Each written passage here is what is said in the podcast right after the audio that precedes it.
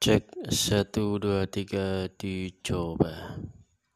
Assalamualaikum warahmatullahi wabarakatuh.